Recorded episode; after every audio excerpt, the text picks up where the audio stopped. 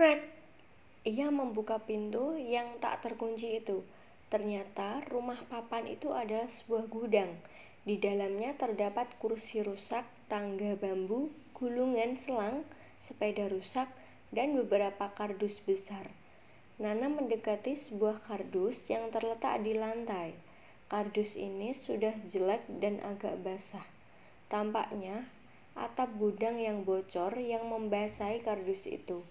Ingin tahu isinya, Nana segera membuka kardus itu.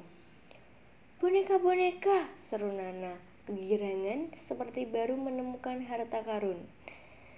Segera ia mengeluarkan isi kardus itu satu persatu. Ada boneka panda, boneka kelinci, boneka kucing. Sayang, semuanya sudah jelek kena air hujan. Hei, boneka ini masih bagus, seru Nana. Tiba-tiba ketika melihat sebuah boneka, anak perempuan yang terbuat dari kain, rambut boneka itu terbuat dari benang wol yang dikepang. Bola matanya besar dan dapat bergerak-gerak.